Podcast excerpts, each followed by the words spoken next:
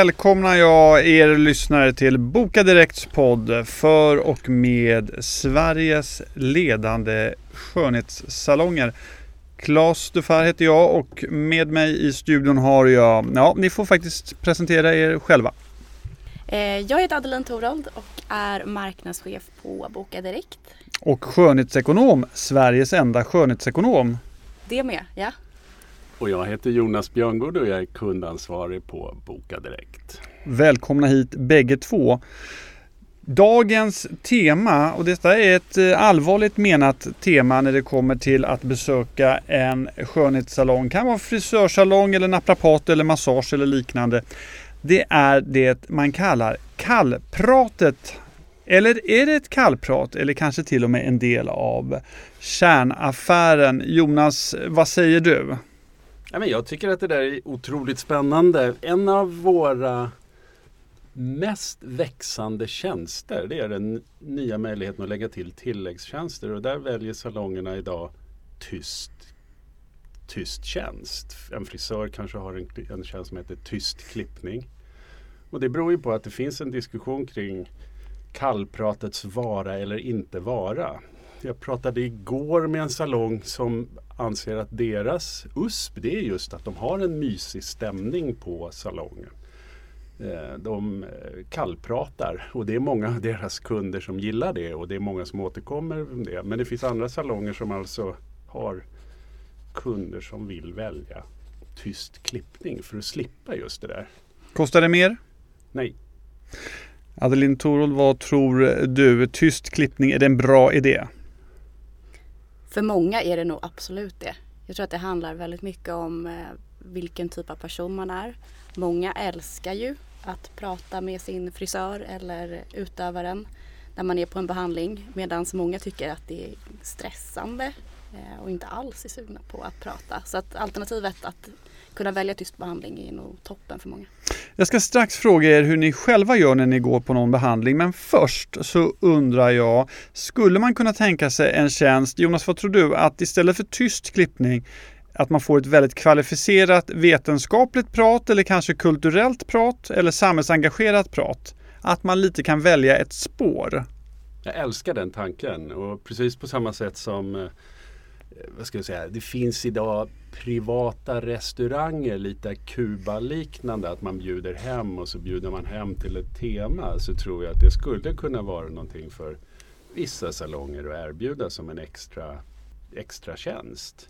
Men jag tror att det vanligare är väl att man då eh, som, alltså, kanske som jag, kan känna att det finns något kontemplativt med att gå till frisören och att man känner att någon tar och pillar på en och att det kan vara ganska skönt att bara sitta och inte behöva prata utan att falla in i sina tankar. Och då kan ju det vara kul med, eller skönt att få liksom, det klart redan från början. Jag vill du får gärna fråga mig om, du, om jag ska ha långt eller kort men sen vill jag sitta tyst. Det är också skillnad från behandling till behandling tänker Såklart. jag.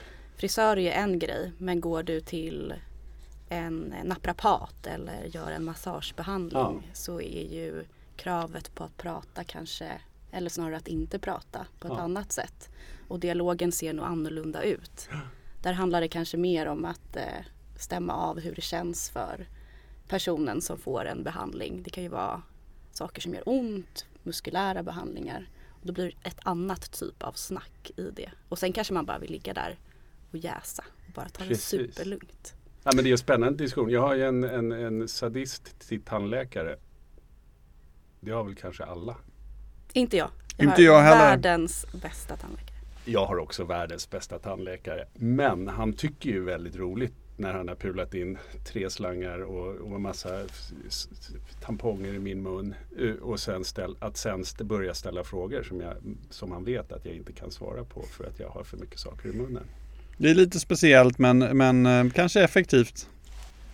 Om man fortsätter på samma tema, skulle, vad tror du Adeline, skulle man kunna ha bokcirklar hos salongen? Att man säger så här, den här veckan eh, så pratar vi om den här boken och eh, du får gärna ha läst den om du vill och så pratar vi om den. Medan du får pedikyr eller massage eller blir klippt. Ja, det är ju ett intressant spår. Det kan säkert vara någonting att spinna vidare på. Det ställer ju kanske något annat eh, slags krav på utövaren också. Att man behöver ha en slags förkunskap om då en specifik bok eller göra en förberedelse på ett annat sätt. Ehm, men absolut. Vad tror du Jonas? Ja, men jag, som jag sa förut, jag gillar ju idén. Jag tror inte det är top of, eh, top of the line. Eller jag tror inte det är för alla. Eh, och jag tror inte det är någonting som kommer ska säga, som kommer vara en, en välbokad extratjänst på, no, på så många av våra salonger. Men jag tror att det är ett sätt att sticka ut. Jag tror att väldigt mycket av dagliga teman diskuteras på våra salonger. Och, och det är ju det vanliga och det är den, den, den ska säga, det som man förväntar sig.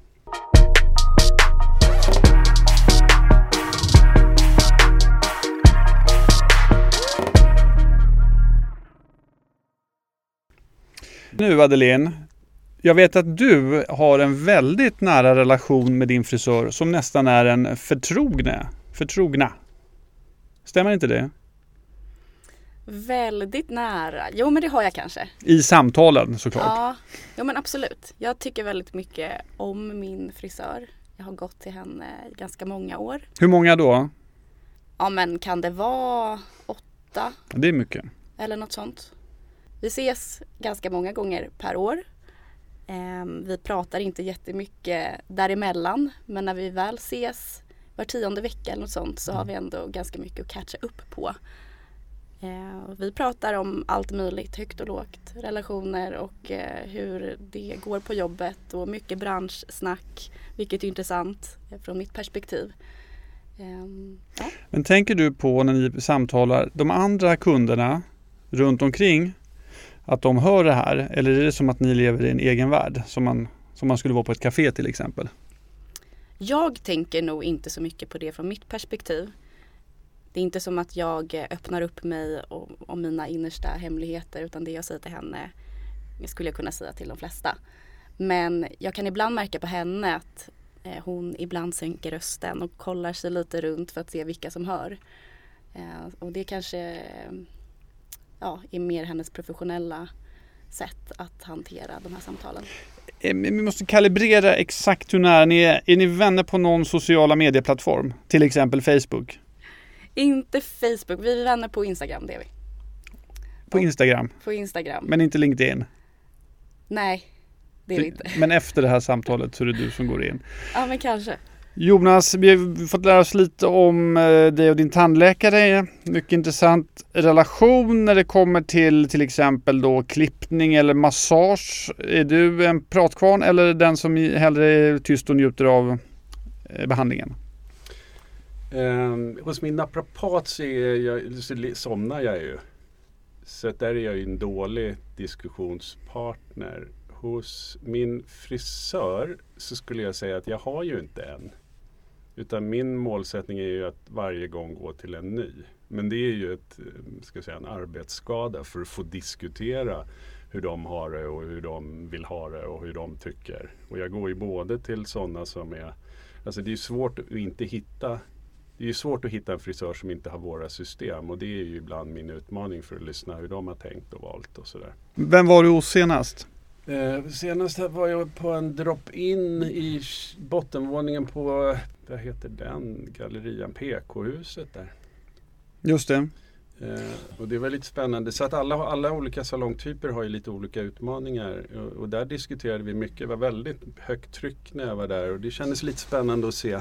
Eh, men, men som sagt, min diskussion hos en frisör blir väldigt mycket kring våra typer av tjänster och hur de har valt och var, hur de tänker och så vidare. Och gillar de att du dyker upp som gubben i lådan och vill prata jobb eller vill de hellre prata om eh, deras senaste resa till Mallorca eller en bioupplevelse eller något sånt? Nio gånger av tio får jag, när de, får, när de förstår vad jag är där, vilket syfte med att börja prata så blir de väldigt eh, så tycker de det är väldigt spännande. För de får ju möjlighet att påverka någonting, upplever de.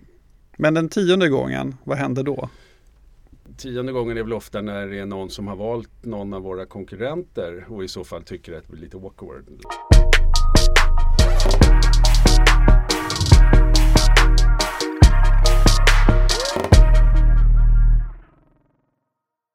I en artikel eh, i tidningen Mitt i Danderyd har man intervjuat tre stycken frisörer om det här. Bland annat en frisör som har varit eh, i sitt yrke i 28 år och heter Anki Mirro, eller Mirro. Hon säger att hon tycker att det svåraste är med nya kunder att veta hur man ska starta en konversation och då finns då alltså inte alternativet tyst salong. Eh, men ett tips är att prata om vad man ska göra på semestern. Utifrån semester kan man tydligen efter det följa samtalet och förstå nej du vill inte prata eller ja du vill prata mycket och pratar du om din semester så är du snabbt inne på din familj och då kan du fråga vad den eh, vederbörandes respektive gör och så vidare. Så att, att grunda samtalet i semestern är tydligen en, ett tips. Vad tror ni om den strategin? Det låter ganska smart. Som du säger, semester öppnar ju upp för många andra följdfrågor. Men jag tror att det handlar om mycket om hur kunden som sitter i stolen också bemöter frågan. Ehm, det är ju ganska enkelt att svara kort på en fråga eh, och då gör man ganska tydligt att man kanske inte vill ha följdfrågor eller inte vill öppna upp för en djupare diskussion. Men om du istället för att säga att du ska på semester till Grekland säger att du ska åka på semester till Grekland med eh, dina barn och din fru eh, som har kämpat med det ena eller andra eller liksom ni har gjort någonting annat så bjuder du in till ett annat typ av samtal. Så att det är ju både utövaren och kunden som lägger ribban för själva samtalet på något sätt. Jag tycker ju och jag önskar ju att våra, våra kunder skulle vara mer intresserade om vad deras kunder tycker om dem. Det vill säga jag tycker att den här privata diskussionen som ibland uppstår och som man då borde sänka rösten för att prata om och sånt där. Det är en kul diskussion och det är en diskussion man kan ha över en bärs någon gång. Men eh, jag, jag har ju lite svårt, på samma sätt som väldigt många av våra, våra kunder och inom alla branscher har ganska lätt att bli privata på ett konstigt sätt med sina kunder så tycker jag att de har lika svårt att ställa de här relevanta frågorna. Vad tycker du om mig som utövare? Vad tycker du om våran tjänst? Vad skulle du vilja ha för andra tjänster. Hur skulle du vilja att vi tog betalt eller hur skulle du vilja att vi förbättrade vår onlinebokning och så vidare. Den typen av frågor är väldigt sällsynta och det är ibland beroende på att man är lite rädd att få kritik eller att få konstruktiv kritik mm. och att man inte vågar ta den diskussionen.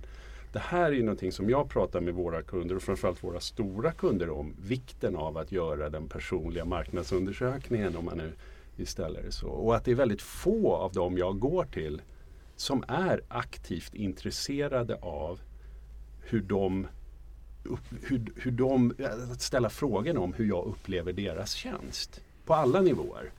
Och det är lite förvånande. Där tycker jag att våra kunder borde, borde bli bättre. Då är vi tillbaka till hur vi inledde det här egentligen. Är det ett kallprat? Jonas, du är ju lite inne på det där att Eh, man kanske borde gå djupare i samtalet och passa på mer sälja om man är, vi fortsätter med exemplet frisör eller massör helt enkelt. Eh, om man tänker sig då just frisörens roll, då kan du, många gånger är ju det då eh, oftast kosmetiskt, eh, även om man kanske behöver speciella behandlingar eller ska färga håret eller något sånt. En naprapat kan ju vara så att säga, handla om ett djupare hälsoproblem. Och då kanske det finns ett annat eh, så att säga, djup i det samtalet. Du måste verkligen tänka på det här, annars kommer det här att hända.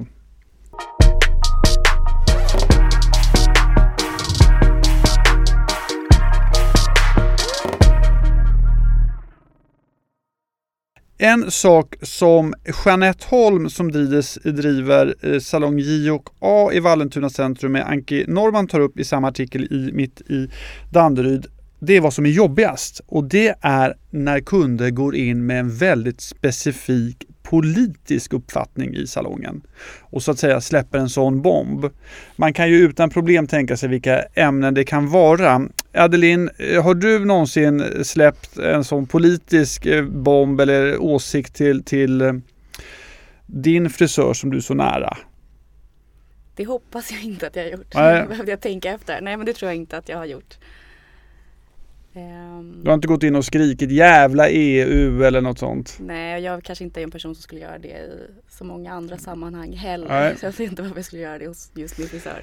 Eh, Jonas, i ditt fall med tandläkaren tänkte jag på. När du ligger där med de här reglagen i munnen och han försöker få dig att säga någonting. Vad är, kan han säga då till exempel? Eh, NATO, eller hur Jonas? Eller?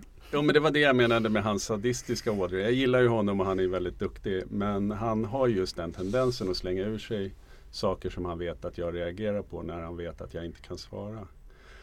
Mm, men övergripande på den frågan så tror jag att det här är väl många av våra kunders verkliga styrka. Det är att de är väldigt bra på kallprat. De är bra på att prata med sina kunder och det har ju de lärt sig under alla år och då undvika känsliga spörsmål, alltså politik, eh, eh, allt för, allt för privat diskussion. Utan man privat pratar semester och, och barn och den typen av saker. Men personligen så har jag nog hamnat i situationer där jag är jävligt tydlig med att jag tycker att man eh, som människa ska markera när man tycker att, att det är någonting som diskuteras oavsett om det är i kafferummet eller om det är hos frisörerna där man tycker att någon går över gränsen. Och man kan ju markera väldigt snällt men man kan ju markera att det här håller inte jag med om och sen så går man vidare till någonting annat. Liksom. Det tycker jag är viktigt. Och vad gör du då i tandläkarstolen? Du sparkar med benen lite grann så att det markeras. Det här tycker jag inte alls är bra.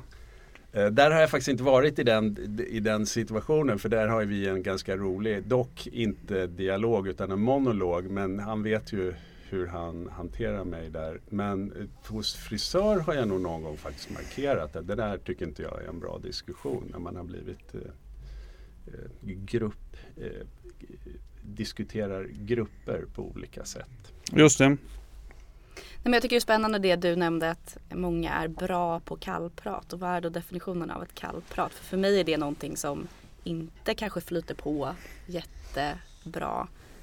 Eh, och man lägger det på en viss typ av nivå. Man går liksom inte djupare än så.